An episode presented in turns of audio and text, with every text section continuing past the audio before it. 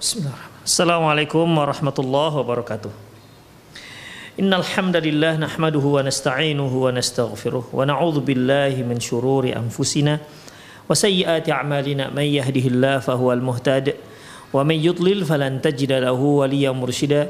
Asyhadu an la ilaha illallah wahdahu la syarika lah wa asyhadu anna Muhammadan abduhu wa rasuluh alladzi la nabiyya ba'dah. وقال الله سبحانه وتعالى يا أيها الذين آمنوا اتقوا الله حق تقاته ولا تموتن إلا وأنتم مسلمون. وقال عز من قال يا أيها الذين آمنوا اتقوا الله وقولوا قولا سديدا. يصلح لكم أعمالكم ويغفر لكم ذنوبكم ومن يطع الله ورسوله فقد فاز فوزا عظيما. يا أيها الناس اتقوا ربكم الذي خلقكم من نفس واحدة وخلق منها زوجها وبث منهما رجالا كثيرا ونساء. واتقوا الله الذي تساءلون به والأرحام. إن الله كان عليكم رقيبا.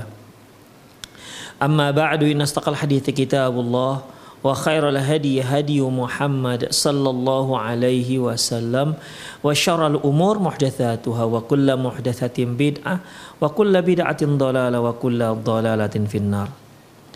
Kaum muslimin dan kaum muslimat, para pemirsa Rosyad TV di mana pun anda berada, Alhamdulillah kembali kita bertemu dalam kajian kitab Fikut Tarbiyatil Abna.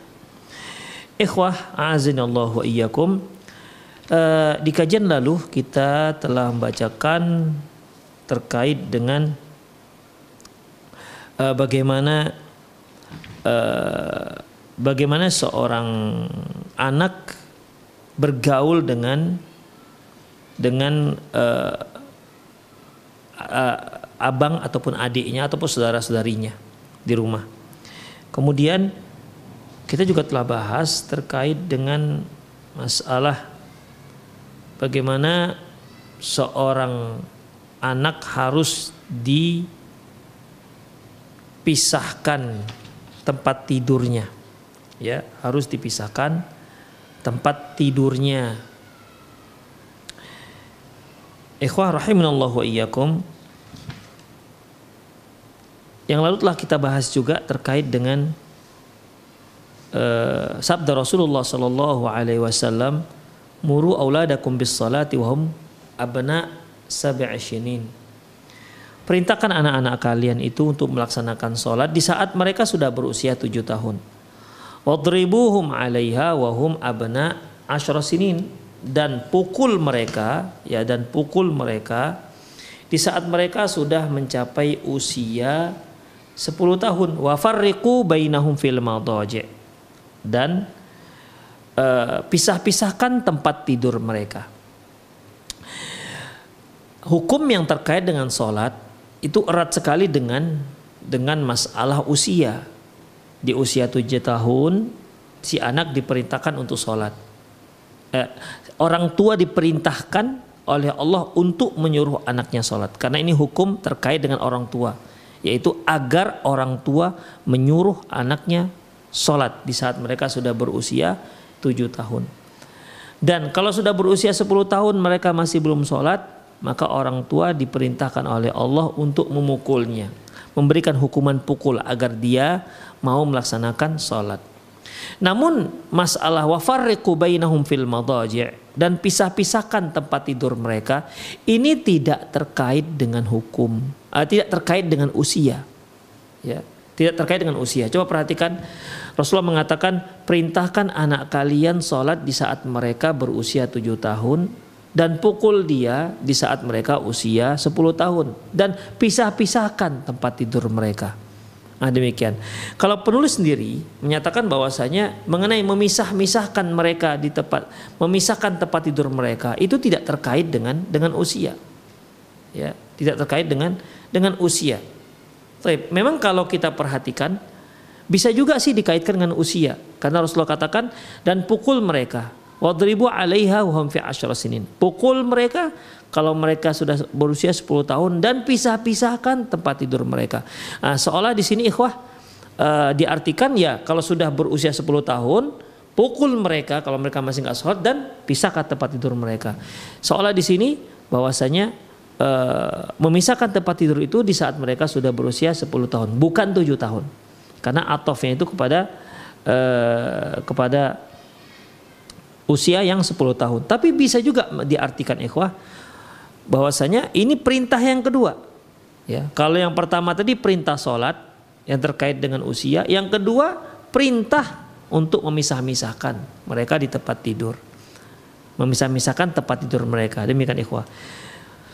Allah alam kalau kalau penulis sendiri mereka menyebut beliau menyebutkan bahwasanya tidak ada hubungan ya mengenai perintah untuk memisahkan tempat tidur antar anak-anak itu tidak terkait dengan usia. Baik.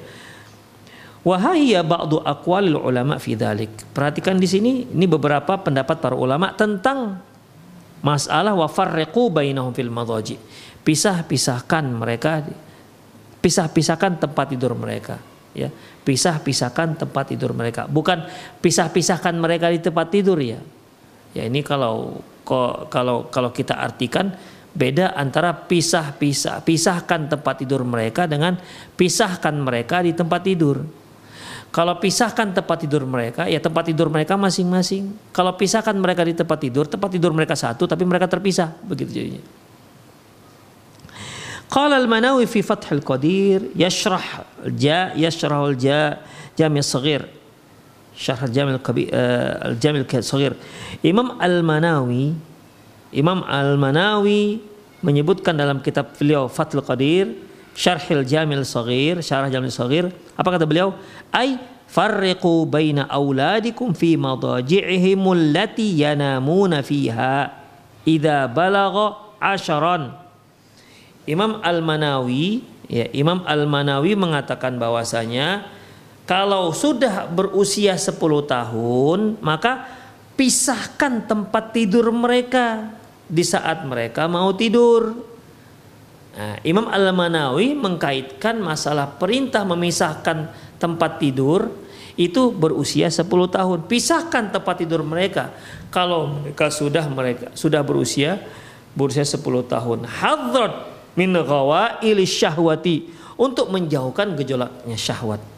Wa in kunna akhwat walaupun mereka adalah anak-anak perempuan ya walaupun mereka anak-anak perempuan. Artinya begini ikhwah. Wa farriqu bainahum fil madaji. Pisah-pisahkan tempat tidur mereka. Ini uh, walaupun hum hum itu adalah laki-laki ya. Hum itu kata ganti kata ganti orang ketiga jamak ya untuk laki-laki. Kalau perempuan itu orang ketiga jamak untuk perempuan hunna bukan hum. Uh, Walaupun kalimatnya wafariku, ah, wafarik, wafariku ini kan juga kalimat perintah untuk laki-laki. Pil amr untuk laki-laki. Walaupun ini untuk laki-laki, namun ah, hukumnya juga mencakup hukum untuk perempuan. Ya, di mana Rasulullah SAW mengatakan Inna nisa min syaqaikir rijal. Sesungguhnya wanita itu termasuk temannya kak uh, saudara kandungnya laki-laki. Artinya hukum yang Allah turunkan untuk laki-laki, hukum yang Allah perintahkan untuk laki-laki, hukum yang Allah tujukan untuk laki-laki, maka sesungguhnya itu juga hukum berlaku untuk perempuan hingga ada dalil yang mengkhususkannya bahwasanya ini hanya khusus untuk perempuan, yang ini khusus untuk untuk laki-laki sebagaimana yang sudah banyaklah kita di sering ter, banyak tercantum dalam Al-Qur'an terkait dengan perintah itu bentuknya bentuk fi'il amar untuk muzakkar. Baik, termasuk ini. Jadi oleh karena itu wa farriqu bainahum fil. Pisah-pisahkan mereka tempat pisah-pisahkan tempat tidur mereka. Ini baik anak laki-laki maupun anak perempuan kata Al-Manawi. Itu khusus ya apabila mereka sudah berusia 10 tahun. Wa qala tib at-tibi jamu bainal amri bis salati wal farqu wal wal wal, wal farqu bainahum fil madaji fit fit tufuliyati ta'diban lahum wa hafadhatan li amrillahi kullah wa ta'liman lahum li muasyarati bainal khalqi. Menggabungkan perintah salat dan perintah untuk memisahkan tempat tidur di masa kecil ini untuk mengar ini untuk mengajarkan mereka adab dan agar mereka bisa menjaga perintah Allah, seluruh perintah Allah dan sekaligus untuk mengajarkan kepada mereka bagaimana cara bermuamalah dengan baik. Wala yaqifu mawaqifu tuhmah fayatanibul maharim al maharim.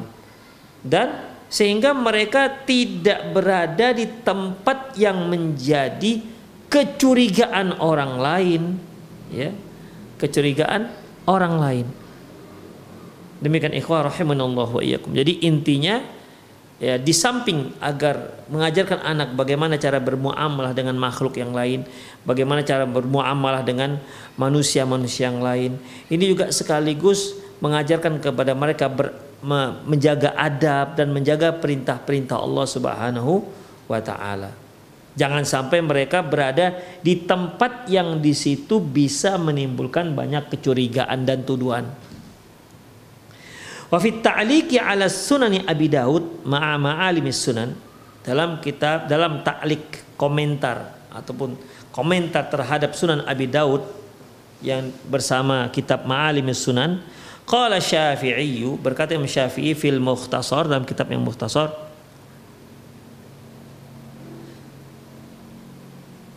Qala Syafi'i al-Mukhtasar fil Mukhtasar berkata Imam Syafi'i dalam kitab Mukhtasar wa 'alal abai wal ummahati ay yu'addibu auladahum wa yu'allimuhum at-taharata was-salah dan wajib bagi ayah dan ibu-ibu bagi para ayah dan ibu untuk mengajarkan adab kepada anak-anak mereka dan mengajarkan mereka bagaimana cara bersuci, bagaimana cara melaksanakan salat.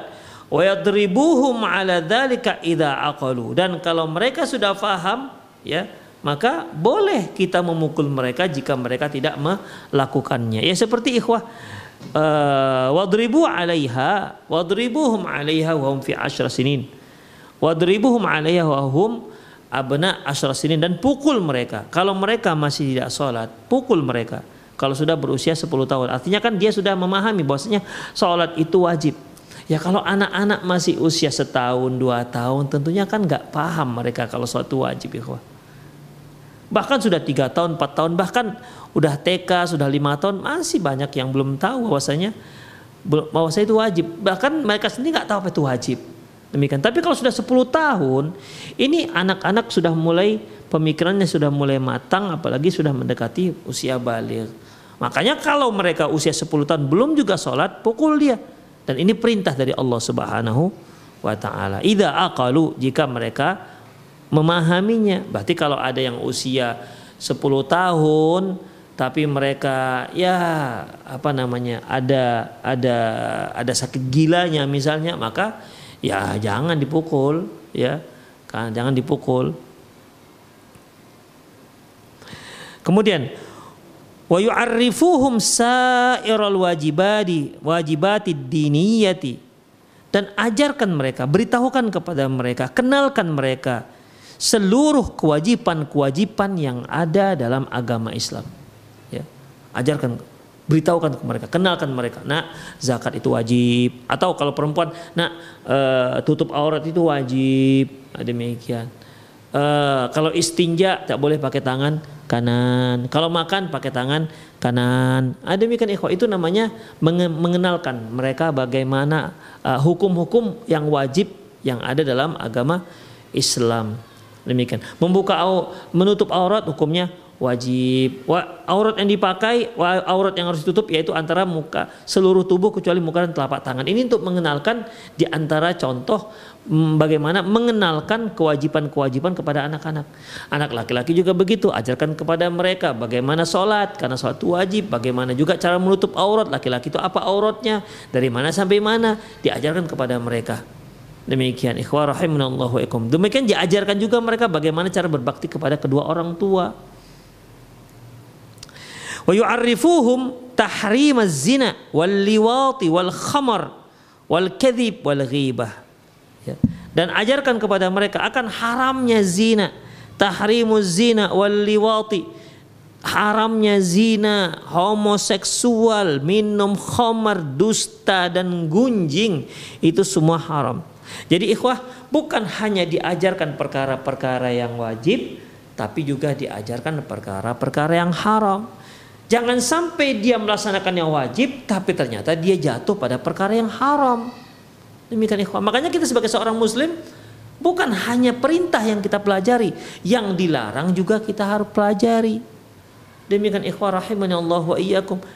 Makanya Hudzaifah ibnu Yaman rahimahullah radhiyallahu anhu pernah berkata, kana nasi yas'aluna yas'aluna Rasulullah sallallahu alaihi wasallam al khair. Orang-orang banyak bertanya kepada Rasul tentang kebaikan-kebaikan. Wa kuntu as'alahu anisyar. Dan adapun aku yang sering kutanya kepada beliau yaitu tentang masalah keburukan. Untuk apa dia tanya? Makhafatan ayyudrikani fi. Khawatir nanti aku terperosok pada perbuatan buruk tersebut. Demikian. Jadi kita mempelajari tauhid, jangan lupa belajar juga masalah syirik.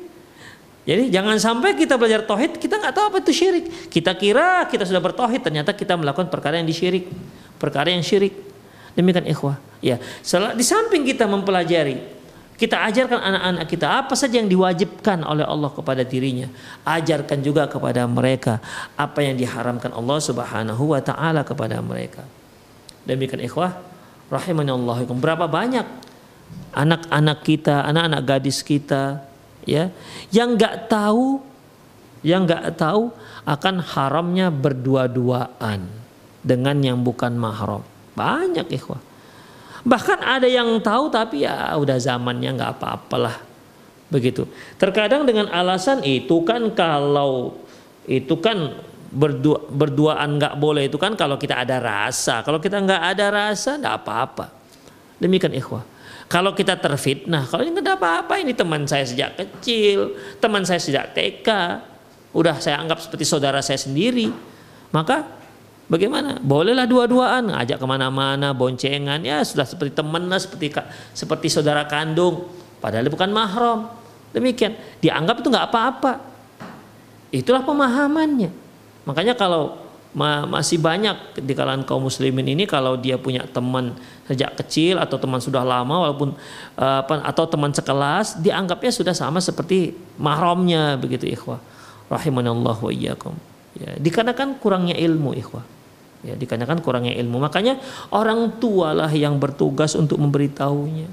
Ah orang tua juga Iya, kalau dia nggak tahu juga kan bermasalah. Dia nggak tahu kalau tidak bolehnya laki-laki dan perempuan berdua-duaan walaupun nggak punya rasa ya nggak boleh. Mungkin orang tua juga nggak tahu. Jangan-jangan orang tua juga merasa nggak ada masalah.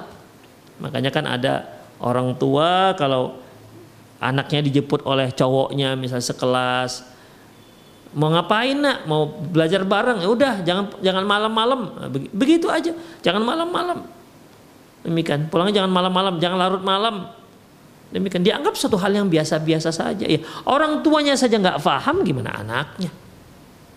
Ya, orang tuanya saja nggak paham bagaimana anaknya.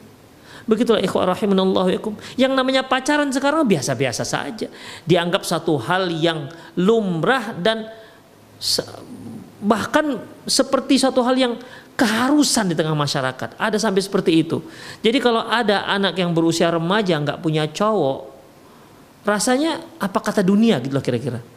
Ya. Dianggap satu hal yang aneh kalau zaman sekarang ini ada anak laki-laki tak punya cowok. Kalau ada anak cowok nggak punya cewek, begitu. Nggak punya girlfriendnya, nggak punya pacar. Satu hal yang aneh. Demikian ikhwah. Dan, itu realitanya begitu. Kok bisa seperti ini? Ya begitulah didikan keluarga. Makanya kalau dia dijemput, siapa tuh nak? Pacarmu ya? Udah nggak apa-apa pergilah. Tapi ingat jaga-jaga diri Ya ilaha illallah. Jaga diri ya, jangan pulang malam-malam. Demikian. Begitulah pesan, begitu saja pesannya. Dan itu begitulah kondisi kita sekarang. Demikian ikhwah rahimanallah wa iyyakum. Ya. Jadi di samping perkara yang wajib, perkara yang haram juga di diajarkan. Ya. Di samping kita ajarkan, "Nak, kamu sholat." Ya, kamu sholat kamu baca Quran.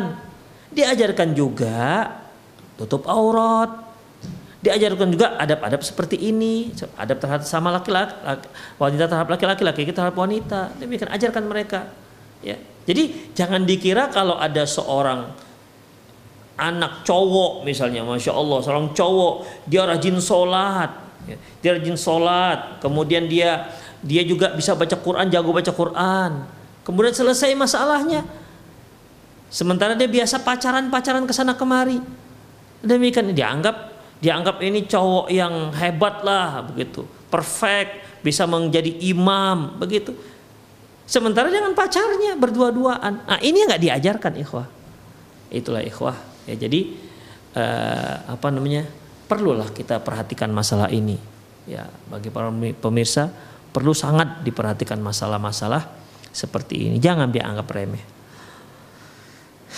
Baik, kemudian kita lanjutkan. Demikian juga kita ajarkan ya jangan zina, haramnya zina, haramnya homoseksual, kemudian khamar, kemudian kadhib, dusta, riba, uh, gunjing dan ucapan-ucapan yang kotor. Ya, ajarkan itu haram nggak dibolehkan. Ya. Kemudian ada satu lagi ikhwah yang yang macamnya macam dijadikan banyolan seperti uh, apa namanya tingkah laku niru-niru perempuan laki-laki niru-niru bencong gitulah ya. Niru-niru orang-orang yang uh, waria. Ah, demikian. Mereka berbuat seperti itu dianggap sebagai banyolan lucu-lucuan. Ikhwah ajarkan pada anak kita jangan. Ya jangan. Karena itu termasuk tasyabuh. Jangan.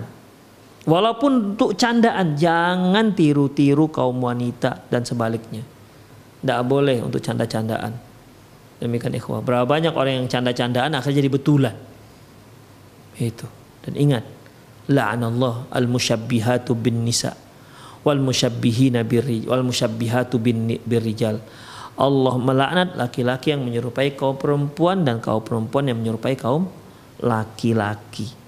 Itulah ikhwah para pemirsa rahimani Allah wa. Taib. Wa fil 'aridah syarat Tirmidzi.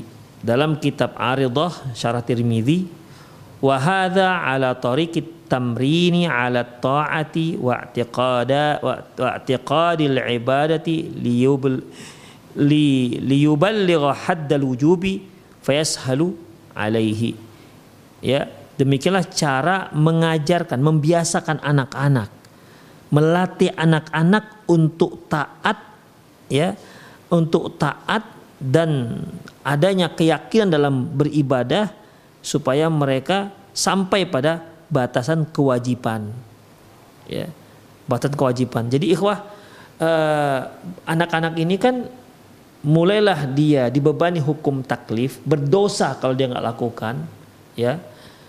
Kalau ada kewajiban dia nggak lakukan dia berdosa. Kalau ada yang haram dia lakukan dia berdosa yaitu ketika dia sudah balik ketika dia balik maka mulailah dia dibebani hukum maka sebelum dia balik itu diajarkan hal-hal seperti ini diajarkan dia sholat, diajarkan dia tutup aurat. Sehingga ketika sampai dia haddul ujub, ketika dia sampai pada batasan dia harus mengemban mengemban syariat Islam, dia sudah terbiasa dengan ini semua. Dia sudah terbiasa pakai jilbab, dia sudah terbiasa sholat, dia sudah terbiasa tidak mengucapkan ucapan kotor. Demikian, dia dibiasakan sejak sejak kecil. Dah terbiasa dia mengucapkan sopan san, bicaranya sudah sopan santun. Demikian sehingga ketika dia sampai sudah balik, sudah ikhwah dia terbiasa. Coba perhatikan, si anak kalau dari kecil belum dibiasakan sholat. Ketika dia balik baru diperintahkan sholat. Ya Allah, itu gimana membiasakannya? Ya sulit ikhwah, sulit. Si anak dari kecil tidak pernah diajarkan pakai jilbab. Ketika dia sudah balik baru disuruh dia pakai jilbab, menentang ikhwah. Minimal nggak menentang sih, minimal dia pakai jilbab itu pas pergi sholat, ah, pas pas mau sekolah saja. Karena emang sebag, karena karena dia lihatnya banyak ya cewek-cewek yang lain yang muslimah yang pakai jilbab. Bagi dia pakai jilbab itu lebih terlihat cantik dan anggun. Hanya itu saja. Pulang sekolah udah dia biasa nggak pakai jilbab. Ya. Di rumah dengan tetangga dia biasa tak pakai jilbab. Bahkan bukan hanya anak sekolah, emak-emak juga seperti itu memakai jilbab itu kalau mau pergi-pergi. Kalau nggak pergi nggak pakai jilbab di luar rumah. Pokoknya kalau dia pergi ke rumah tetangga, dia pergi beli sayur itu tak, tak pakai jilbab. Ini kan menunjukkan kurang fahamnya tentang apa makna menutup aurat. Gak faham mereka. Demikian oke okay, kalau kalau dia pergi pengajian, masya Allah pakaian syari, ya pakaian syari. Nanti kalau dia mau pergi kongko-kongko dengan teman-teman emak-emaknya, pakaiannya ya pakai jilbab pendek, apa prasmina gitu kan, kemudian pakai jeans yang ketat, demikian. Ya disesuaikan biar lebih luas katanya. Gak ngerti ya nggak mengerti bagaimana cara menutup aurat. Ya kalau emaknya seperti itu gimana dengan anaknya? Ya. Oleh karena itu ikhwah rahimahullah wa iyyakum kita sebagai orang tua ya harus paham. Ya.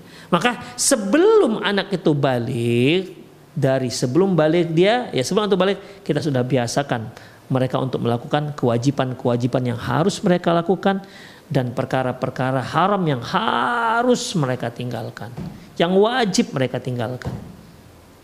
Demikian ikhwah. Amma mata yufarriqu bainal abna'i fil madaji. Nah, sekarang kapan seharusnya anak itu dipisahkan tempat tidurnya? Kalau bahasa kita, usia berapa memangnya anak itu harus dipisahkan tempat tidurnya? Apakah sebagaimana yang dikatakan Imam Al-Manawi tadi yaitu terkait dengan atof dengan pukul anak itu kalau nggak sholat juga di saat mereka berusia 10 tahun pukul dia kemudian diatofkan dilanjutkan hukum juga yaitu di usia 10 tahun mereka juga dipisah-pisahkan tempat tidurnya atau ada makna lain Baik. amma mata yufarriqu bainal abna'i fil madaji adapun kapan seharusnya anak-anak itu dipisahkan tempat tidur mereka fan fi qawlihi sallallahu alaihi wasallam kalau kita perhatikan sabda Rasulullah sallallahu alaihi wasallam Muru auladakum bis salati wa hum abna'u sab'in. Perintahkan anak kalian untuk melaksanakan salat di saat mereka berusia tujuh tahun. Wadribuhum 'alaiha wa hum abna'u ashrin. Dan pukul mereka kalau sudah usia 10 tahun. Kemudian wa farriqu bainahum fil madaji dan pisah-pisahkan tempat tidur mereka. Baik. Wahal kauluhu sallallahu mafarriqu bainahum fil madaji. Apakah apakah sabda beliau wafarriquhum baina madaji. Pisahkan tempat tidur mereka itu. Hal yarji ila qauli wahum abna asyar apakah hukum ini terkait dengan abna al asyar apakah hukum pisahkan tempat tidur mereka itu ter, berkaitan dengan usia 10 tahun? Am yarji ila qauli wahum abna saba abna oh sabain ataukah hukumnya kembali kepada usia tujuh tahun? Demikian ikhwah. Perhatikan, ya, perhatikan. Kan Rasulullah di akhir uh, hadis mengatakan wa farriqu bainahum fil madaji. Pisah-pisahkan tempat tidur mereka. Dah. Apakah pisahkan tempat tidur mereka ini terkait dengan usia 10 tahun? Berarti kalau terkait dengan usia 10 tahun, di saat dia di bawah usia 10 tahun, tidak apa-apa, nggak dipisah. Hukum ini terkait dengan kalau sudah berusia 10 tahun. Ataukah pisahkan tempat tidur mereka terkait dengan di, kembali kepada usia 7 tahun, artinya sejak usia 7 tahun anak itu sudah dipisahkan tempat tidurnya.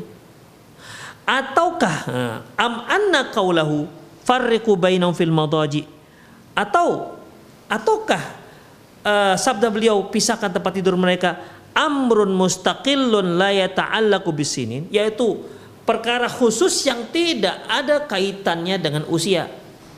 Jadi ada dua hukum. Pertama hukum yaitu uh, suruh anak kalian sholat ber, di saat mereka sudah berusia tujuh tahun dan pukul mereka di saat mereka sudah berusia 10 tahun titik. Nah, kemudian perintah kedua, ya perintah kedua dan pisahkan tempat tidur mereka. Jadi ini uh, perintah pisahkan tempat tidur mereka tidak ada hubungannya dengan dengan dengan masalah perintah sholat. Berarti kalau kita katakan tidak ada hubungannya berarti perintah untuk memisahkan tempat tidur tak terkait dengan usia. Artinya sebelum tujuh tahun juga harus dipisah gitu maksudnya ikhwan. Ya. Demikian. Jadi ada ada tiga di sini. Apakah perintah untuk memisahkan tempat tidur terkait dengan usia 10 tahun? dengan artian sebelum 10 tahun belum belum ada perintah untuk dipisahkan tempat tidurnya ataukah perintah pisahkan tempat tidur terkait dengan tujuh tahun, berarti kalau enam tahun ke bawah belum diperintahkan untuk pisahkan tempat tidurnya, ataukah perintah untuk memisahkan tempat tidur ini ini perintah khusus, perintah tersendiri, tak terkait dengan sholat dengan artian ya dengan artian perintah memisahkan tempat tidur ya sejak kecil begitu tak terkait dengan usia. Nah, semoga para pemirsa bisa memahami. Bimakna annal hadis la yasluh an yakuna ma'nahu fi taqdimu wa ta'khir. Di mana hadis tersebut tidak bisa dikatakan maknanya untuk dipercepat ataupun diperlambat. Dengan artian wa yakunu qawluhu dengan artian farriqu bainal fil madaji pisahkan tempat tidur mereka ghair muqayyad ghair muqayyadin bisun bisinni muayyan yaitu tidak terkait hukumnya dengan usia tertentu. Demikian ikhwah. Jadi ini ada beberapa uh, pendapat ya, beberapa pendapat. Fakullu qaulin min qaulaini lahu wajhun. Semua pendapat tersebut ada sisi benarnya. Fadzahiru indi. Menurutku, zahir ya, zahir daripada hadis tersebut menurutku, pendapatku anna tafriqa fil madaji' mahalluhu idza wujida syarri wal fasad. Bahwasanya ya bahwasanya hukum terkait dengan memisahkan tempat tidur anak-anak ya kaitannya dengan jika didapati adanya kerusakan dan kejahatan. Wa idza wujidal marad fa'adha fi ayyi sinin kana dhalik Apabila penyakit ini ada, ya penyakit ini ada, penyakit kerusakan itu ada, maka langsung di apa namanya uh, fa idza wajada al marad wal adha fi aisinin kana dhalik dan apabila uh, penyakit ini ada kerusakan ini ada maka di usia mana pun dia harus di dipisahkan. Demikian, tidak terkait dengan tujuh tahun. Kalau seandainya usia enam tahun dia sudah mulai lirak-lirik kakaknya misalnya atau apalah yang terjadi kita nggak tahu. Allah alam bisawab ya. Masih usia enam tahun anak ini kok macam orang dewasa begitu. Melihat perempuan kok nggak kedip begitu. Atau melihat uh, orang yang cantik kok dia apa keluar air liurnya misalnya misalnya ini ya oh berarti ini udah harus dipisah. Demikian ikhwah. Rahimahnya Allah nah, nampak kalau kita perhatikan anak-anak ketertarikannya kecenderungannya kepada lawan jenisnya. Itu bisa kita lihat. Ya itu bisa kita lihat. Tapi jika penyakit itu ada langsung di dilakukan pemisahan eh, tempat tidur. Tidak harus menunggu dia tujuh tahun atau sepuluh tahun. Wala yatrukul walada wala yutrakul walada wala yutrakul waladu ma'al bint. Jangan dibiarkan anak laki-laki bersama anak perempuan. Bal wala ma'a akhihi. Bahkan tidak dengan tidak juga dengan saudari saudara kandungnya sendiri. Bal wala ma'a nafsihi amama syashatil video wa tilvizyun allati tunshirul aflam radhilah. Tabuthu aghanil khali'ah bahkan tidak juga dia dibiarkan sendirian melihat video-video melihat acara televisi yang yang menayangkan film-film film-film yang tak bermoral film-film rendah dan uh, dan nyanyian-nyanyian yang nyanyian-nyanyian yang menceritakan tentang masalah syahwat. Ya nyanyian-nyanyian porno lah gitu ikhwah. Tidak dibiarkan. Fakam min musibatin hadathat bainal maharimi bisa berbalik. Berapa banyak musibah yang terjadi di antara mahram disebabkan hal itu. Adik dengan kakak kandungnya melakukan perzinahan atau ibu dengan anak kandungnya atau ayah dengan putri kandungnya naudzubillah min dzalik sudah lebih parah dibandingkan hewan. Ya. Kalau hewan berbuat seperti itu karena dia nggak punya akal dan dia juga nggak punya aturan untuk masalah itu beda dengan manusia. Manusia Allah Subhanahu wa taala berikan akal dan untuk mengendalikan akal itu karena akal itu bisa hilang dengan syahwat yang bergelora, dengan syahwat yang bergejolak.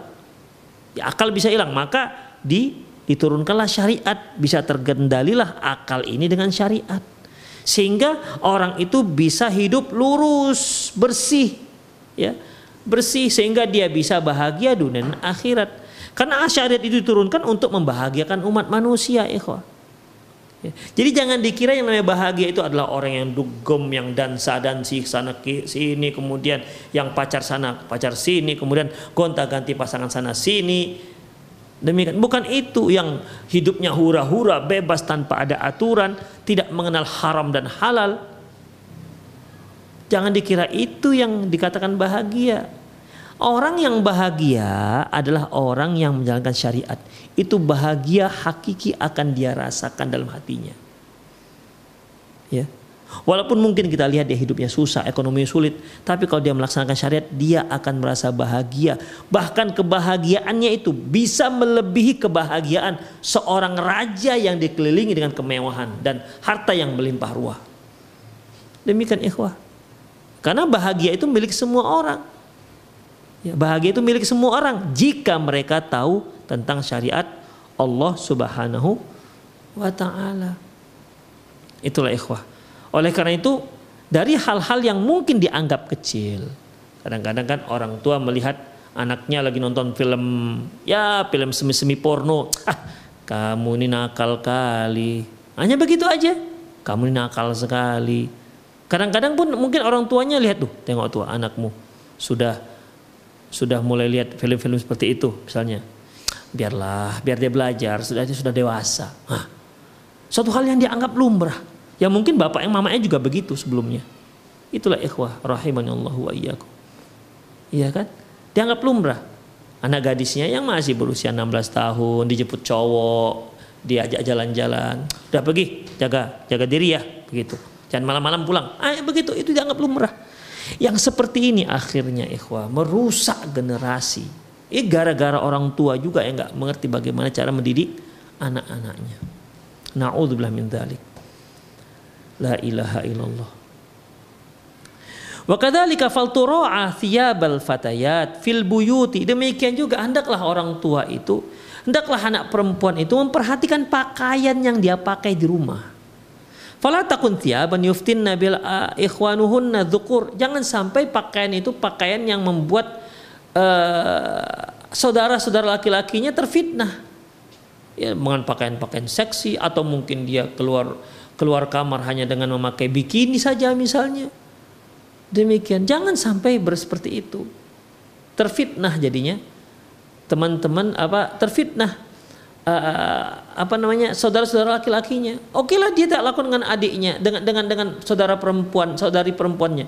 Mungkin dia ingin lakukan itu dengan dengan dengan perempuan yang lain misalnya. Demikian ikhwah. Wa talfitu anzaruhum ilal muharram wa tuhayyiju fiha al ka maka kamin.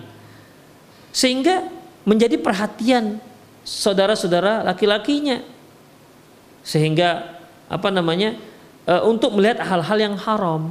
Jadi ketika dia melihat melihat saudara-saudari perempuannya seperti itu memakai pakaian seksi, kemudian dia juga ingin melihat dia hal tempat lain misalnya, nah, di tempat-tempat lain sehingga bisa menggelorakan syahwatnya. Nauzubillah min dzalik.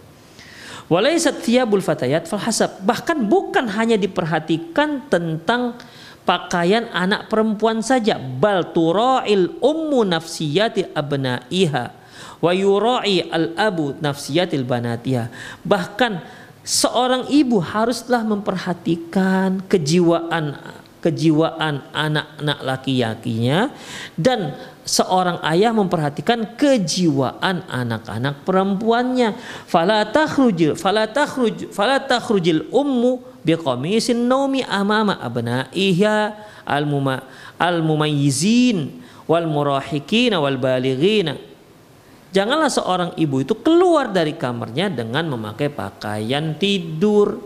Ya, pakai tidur di sini uh, mungkin yang dimaksud pakaian tidur sini mereka yang biasa memakai pakaian tidur yang transparan ya.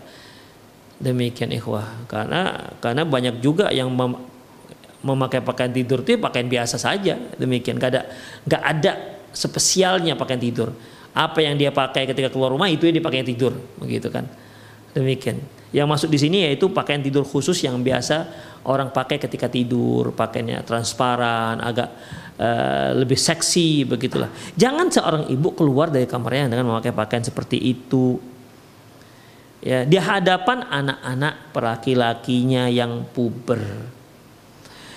Fala yukhrujil abu kadzalika bi thiyabit tuthirul tibahi banatiha banatihi dan juga janganlah seorang ayah keluar dari kamarnya dengan memakai pakaian yang yang menjadi perhatian putri-putri kandungnya. Fala yakhruju bisawa bisarawil qasir yuhaddidu auratahu amama banatihi. Janganlah dia memakai pakaian, janganlah dia memakai celana yang sangat sangatnya pendek sehingga membentuk auratnya Demikian ikhwah. Ya, saking pendeknya, pakai pendeknya sudah lihat pakaian pendek, ketat lagi. Terlihatlah bagaimana pinggulnya, terlihatlah bagaimana sebelah depan pinggulnya, bentuk mungkin kemaluan si ayat berbentuk di situ. Demikian ikhwah. Dan itu dilihat oleh anak perempuannya. Allahu Akbar. Na'udzubillah min dzalik. Seharusnya seorang ayah malu lah seperti itu, ikhwah. Malu. Ajarkan anak-anak kita itu bagaimana cara berakhlak, ya.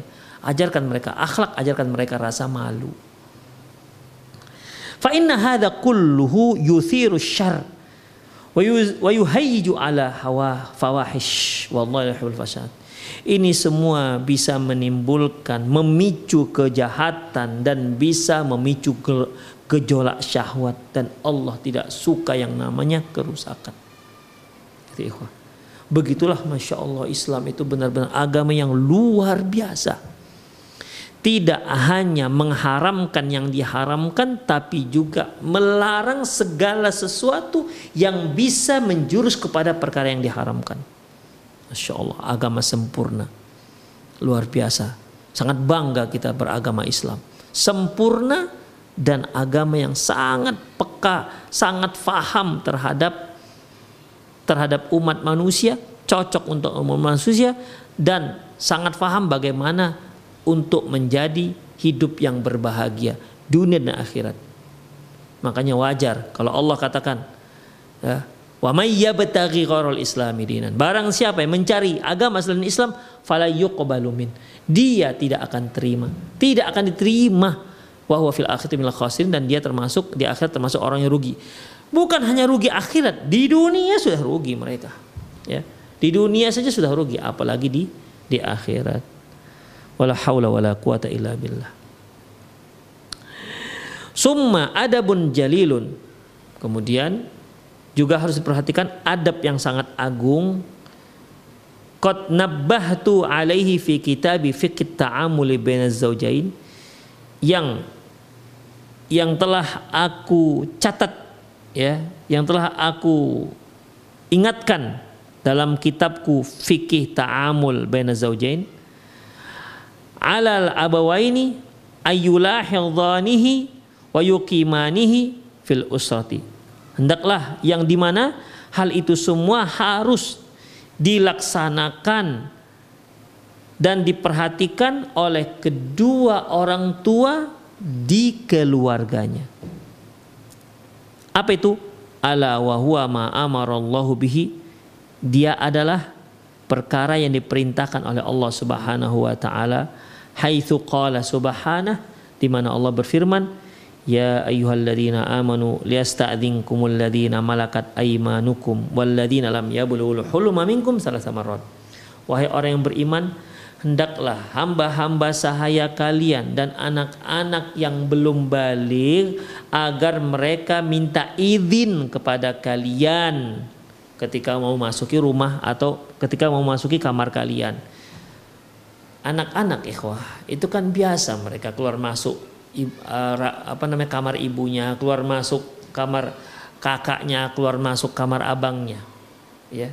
Satu hal biasa mereka nggak mungkin juga tak paham harus minta izin. Mungkin juga kakaknya yang saat itu mungkin hanya pakai baju yang sangat minim karena dianggap ini adik-adik nggak paham ya biasa-biasa saja.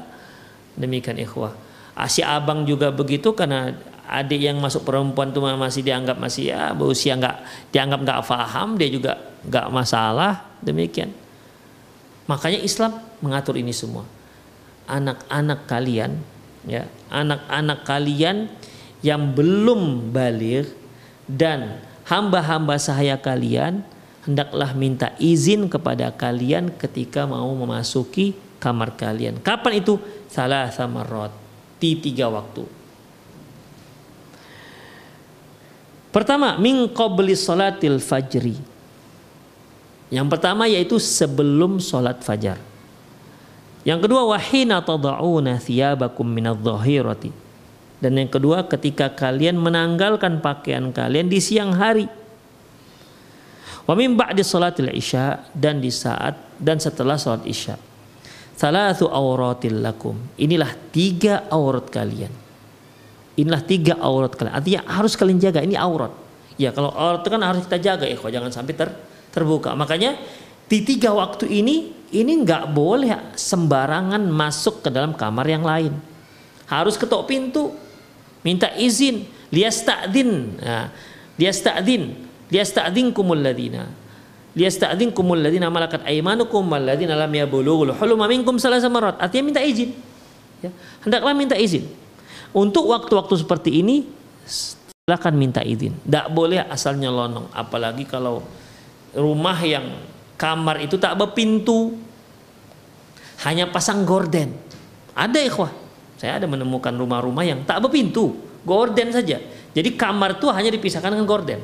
Jadi siapa aja yang masuk nggak akan ada yang larang. Tidak akan ada penghalang. Ya masuk masuk saja. Demikian. Tak ada penghalang.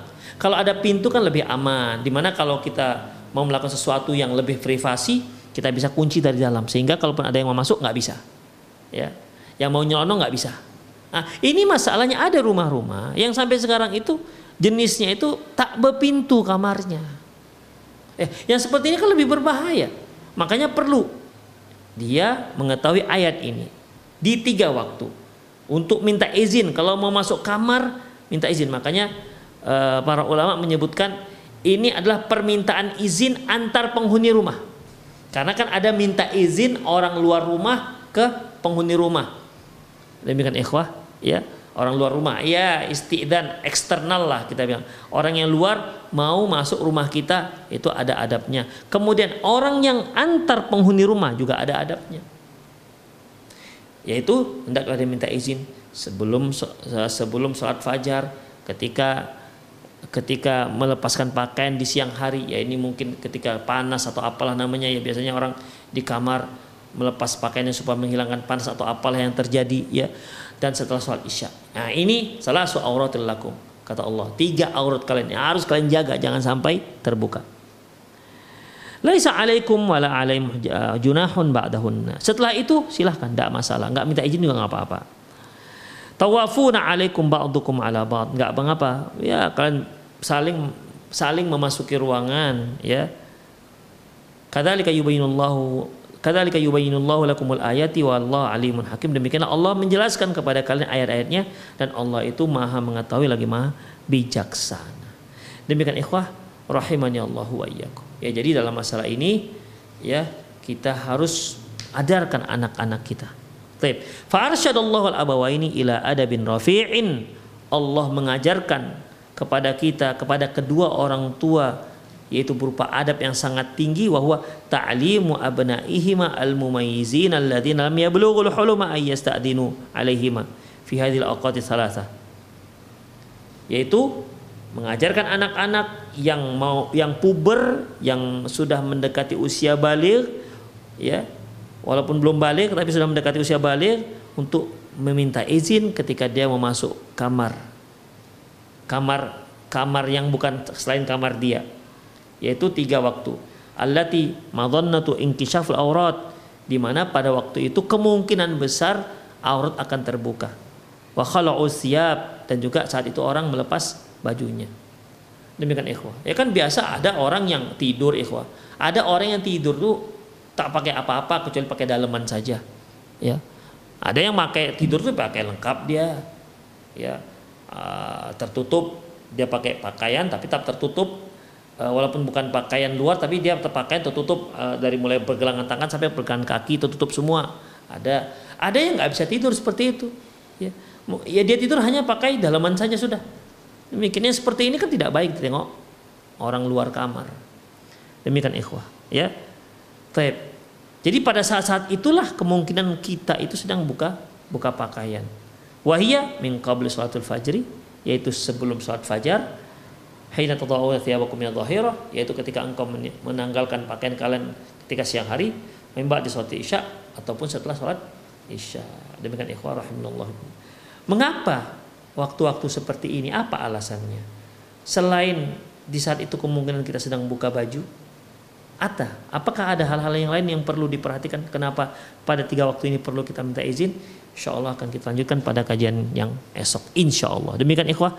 Aku lu qauli hadza wa astaghfirullah li wa lakum muslimin innahu wal rahim. Bagi para pemirsa yang ingin bertanya, Anda boleh silahkan telepon langsung ke nomor yang sudah tertera di televisi Anda atau boleh juga kirimkan pertanyaan Anda di nomor yang sama atau Anda juga boleh langsung jika ingin mengirimkan langsung di nomor saya ini di 0895 6113 27778. Tapi alhamdulillah sudah punya, sudah ada pertanyaan Bismillah, Afan izin bertanya Ustadz, apakah berdosa jika ada istri yang meminta suaminya untuk tidak mengizinkan saudara kandungnya berkunjung ke rumah dengan alasan keamanan keluarga karena saudaranya sebut pengedar dan memakai narkoba, punya kasus kriminal, suka menipu bak keluarga atau orang lain dan mengancam saudara-saudara lain tidak tahu agama apakah sekarang dia sebelumnya murtad apa tidak mohon bantuan jawabnya Ustadz ikhwah kalau memang seperti ini wajib suami melarang. Bukan boleh wajib. Ya wajib jelas coba perhatikan kajian kita yang lalu. Di antara di antara pengaruh buruk terhadap anak-anak apa itu ikhwah? Family-family kerabat-kerabat yang berkunjung. Makanya kalau seorang suami ini kerabat dia ataupun abangnya rusak, pengedar segala macam seperti yang disebutkan ini, ya boleh suami mengatakan kamu tidak jangan jangan kasih masuk abangmu, boleh. Kalau saya katakan bukan boleh lagi, wajib. Karena berbahaya ikhwah. Ya. Sempat apalagi dia pengedar, begitu dia di rumah kita digrebek oleh polisi. Demikian.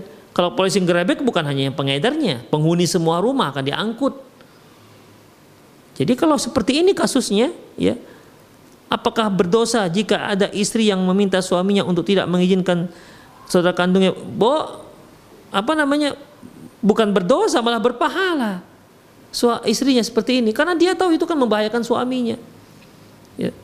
Bahkan dia wajib menyebutkan ini kepada suaminya supaya meng, apa namanya bisa sehingga akhirnya dia terbebas dari sebuah kewajiban yaitu memberitahukan kebaikan kepada sang suami. Demikian ikhwah. Ya harus dikasih tahu. Kalau memang seperti ini kondisinya. Karena memang sangat berbahaya. Apalagi kalau sampai dia sangat dekat dengan suami, ya, adiknya atau abangnya. Demikian Allah alam bisawab. Bismillah dari Ibu Ais dari di Pekalongan. Afan Ustaz mau tanya, sampai usia berapakah anak boleh mandi bersama orang tuanya? Ikhwah rahimanallah wa iyyakum. Sampai usia berapakah anak boleh mandi bersama orang tuanya? Allahu alam bisawab sebagaimana tadi Syekh uh, Mustafa Al-Adawi menyebutkan bahwasanya wafarriku bainahum fil madaji pisah-pisahkan tempat tidur mereka itu kaitannya tidak dengan usia tapi kaitan dengan kondisi si anak. Ya, kondisi anak. Kira-kira anak ini sudah mulai perhatian dengan lawan jenisnya, maka pisahkan. Karena kalau dibiarkan itu bisa berbahaya. Sama dengan seperti ini. Kalau apabila si bayi, si anak sudah mulai perhatian dengan hal-hal yang memang ya yang terkait dengan lawan jenis ya, maka jangan lagi dia mandi dengan dengan ibunya. Mandi bersama dengan ibunya ini kan berarti ibunya tak berpakaian seperti anaknya kan gitu kan artinya. Ya. Kalau si ayah mandi dengan anak perempuannya yang masih kecil gitu kan. Artinya ayahnya tak berpakaian atau hanya sekedar pakaian dalam saja misalnya daleman saja dan dia memandikan anak kecilnya yang perempuan misalnya. Demikian ikhwah. Itu kan maksudnya. Ya makanya perhatikan ya diperhatikan bagaimana kondisi si anak. Demikian kita lah yang lebih paham. Ya, kita lah yang lebih lebih paham. Kalau kira-kira sudah mulai besar dia udah apa namanya dua tahun, ya dua tahun atau tiga tahun dah kira-kira sudah tak layak lagi maka kita lah yang ijtihad ikhwah. Kadang-kadang ada anak-anak itu, ada anak-anak itu sampai usia tujuh tahun, 8 tahun juga belum paham dia begitu, masih betul-betul benar-benar dia masih ya merasa kecil. Demikian ikhwah. Ah, ya itu dia. Jadi masa dia nggak perhatian, tak perhatian dia dengan sana. Dia dia main begitu aja. Dia main. Ya anak-anak benar ya, anak-anak benar. Dia nggak begitu perhatian dengannya seperti itu. Sudah usia 6 tahun, 7 tahun, mau tamat SD juga dia nggak begitu perhatian dengan lawan jenis dengan dia. Bagi dia ya belajar, main dah gitu aja. Berarti kan beda hukumnya. Maka mengenai hal ini e, ibu atau ibu yang bertanya, ibulah yang lebih tahu bagaimana kondisi anak ibu. Jika memang mem memang sudah tidak layak maka jangan lagi dia mandi dengan ibu. Demikian ikhwah, jangan lagi dia mandi dengan ibu. Bahkan eh, anak-anak laki-laki ini ada usia-usia tertentu dia sudah malu mandi dengan ibunya, nggak mau dia mandi dengan ibunya. Ya, dia ambil anduk sendiri, dia mandi sendiri, dia kunci pintu, nggak mau dia lagi mandi dengan ibunya. Ada begitu. Sementara ibunya masih masih mau mandikan dia, tapi dianya sudah malu. Alhamdulillah kalau seperti itu. Demikian ikhwah rahimanallah wa iyyakum.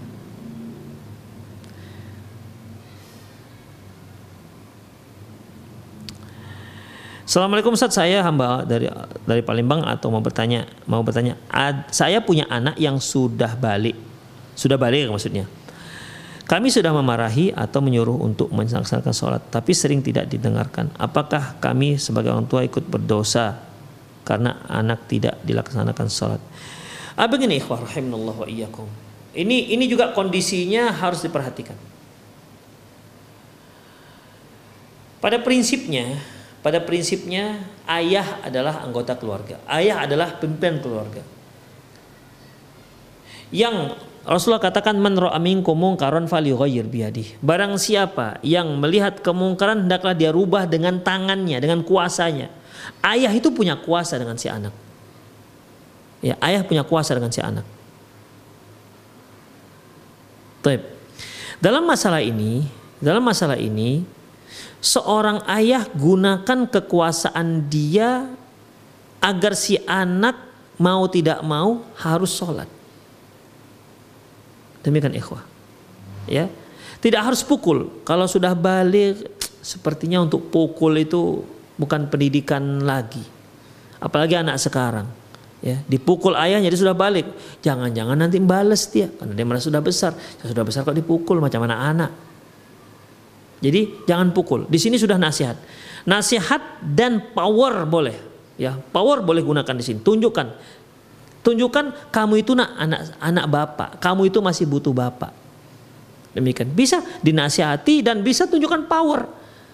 Kalau kamu nggak sholat udah. Bapak nggak kasih jajan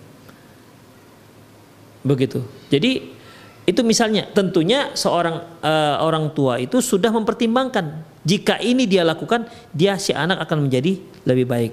Tapi kan ada juga anak ketika diancam oleh orang tuanya kalau kamu nggak sholat ayah nggak akan kasih jajan katanya. Apa kata anaknya? Sudah nggak apa-apa nggak jajan nggak apa-apa. Ketimbang sholat mendingan nggak usah jajan. Bisa kok dia kerja dengan temannya. Misalnya begitu bisa ada yang seperti itu sehingga uh, apa namanya uh, menstop jajan anak bukan satu solusi untuk membuat dia menjadi baik. Maka jangan gunakan jalur itu karena intinya kita ikhwah, intinya kita itu kalaupun pukul, pukul itu bukan maksudnya menyakiti. Tetap bagaimana si anak agar bisa menjadi baik, itu sebenarnya, ya. Pukul, kalaupun kita wadribu alaihi wa fi sinin, pukul dia. Kalau mereka sudah berusia 10 tahun, itu bukan untuk menyakiti, bukan, tapi itu adalah cara agar memberikan dampak jerah pada si anak agar dia sholat itu dia ikhwah ya sholat Demikian. Kalau sudah balik untuk dipukul, aduh itu belum dah nggak caranya lagi. Ya, nggak caranya lagi. Tapi dengan cara seperti itu mungkin bisa. Ya. Apa yang paling dia suka, apa yang dia paling tergantung orang tuanya, coba ancam itu. Itu pun pertimbangannya jika memang dia diperkirakan bisa berubah. Kalau dicoba, diuji coba kalah ini cara ini, ternyata tak berbekas, tidak berpengaruh, maka jangan lakukan, jangan lanjutkan, karena malah akan menimbulkan mudarat. Pindah dengan plan B cara yang lain. Nah, demikian ikhwah. Jadi di sini bapak dan ibu lah yang lebih paham apa kira-kira agar si anak bisa bisa perhatian dengan sholatnya. Demikian. Nah, adapun si ibu, ya ibu terus kasih nasihat pada anaknya, ya nasihat dengan linangan air mata, demikian ya. Dengan ya pandai-pandailah ibu memberikan nasihat Demikian ikhwah. Jadi ayah menunjukkan powernya, dia punya power, tapi ingat Pak, sekedar power bukan untuk menunjukkan kesombongan, bukan. Ya.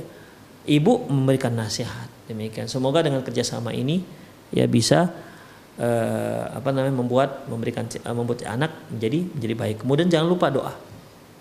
Si ayah, ibu benar-benar berdoa kepada Allah agar si anak mau mau sholat. Karena bagaimanapun Inna kala tahdi man ahbabta walakin Allah yahdi mayasya. Allah itu engkau itu tidak bisa memberikan hidayah kepada orang yang engkau cintai. Walakin Allah yahdi mayasya, tapi Allah lah yang memberi hidayah kepada orang-orang yang Dia kehendaki. Jadi kita walaupun kita orang tua dan objeknya adalah anak kita, tetap saja hidayah dari Allah Subhanahu wa taala. Kita hanya bisa berupaya dengan semaksimal mungkin. Dan ini ibadah kita kepada Allah. Dan ini merupakan implementasi pelaksanaan amanah Allah kepada kita ya. Semoga itu menjadi pemberat amalan kebaikan kita sehingga memasukkan kita ke dalam surga. Demikian ikhwah. Kita berusaha dengan semaksimal mungkin ya dengan berbagai cara yang yang kita ketahui. Seraya berdoa pada Allah Subhanahu wa taala Ikhwah rahimanallah wa iyyakum. Sepertinya itu sajalah kajian kita di sore hari ini. Semoga sedikit yang kita bahas tadi bermanfaat. Demikian aku lu qauli hadza wa astaghfirullah li wa lakum wa muslimin innahu wal ghafur rahim. Kita akhir dengan doa kafatul majlis subhanakallahumma bihamdik asyhadu an la ilaha illa anta astaghfiruka wa atubu ilaik. Wa sallallahu ala nabiyyina Muhammad wa ala alihi wa ashabi ajmain. Wa akhiru da'wana alhamdulillahirabbil alamin. Assalamualaikum warahmatullahi wabarakatuh.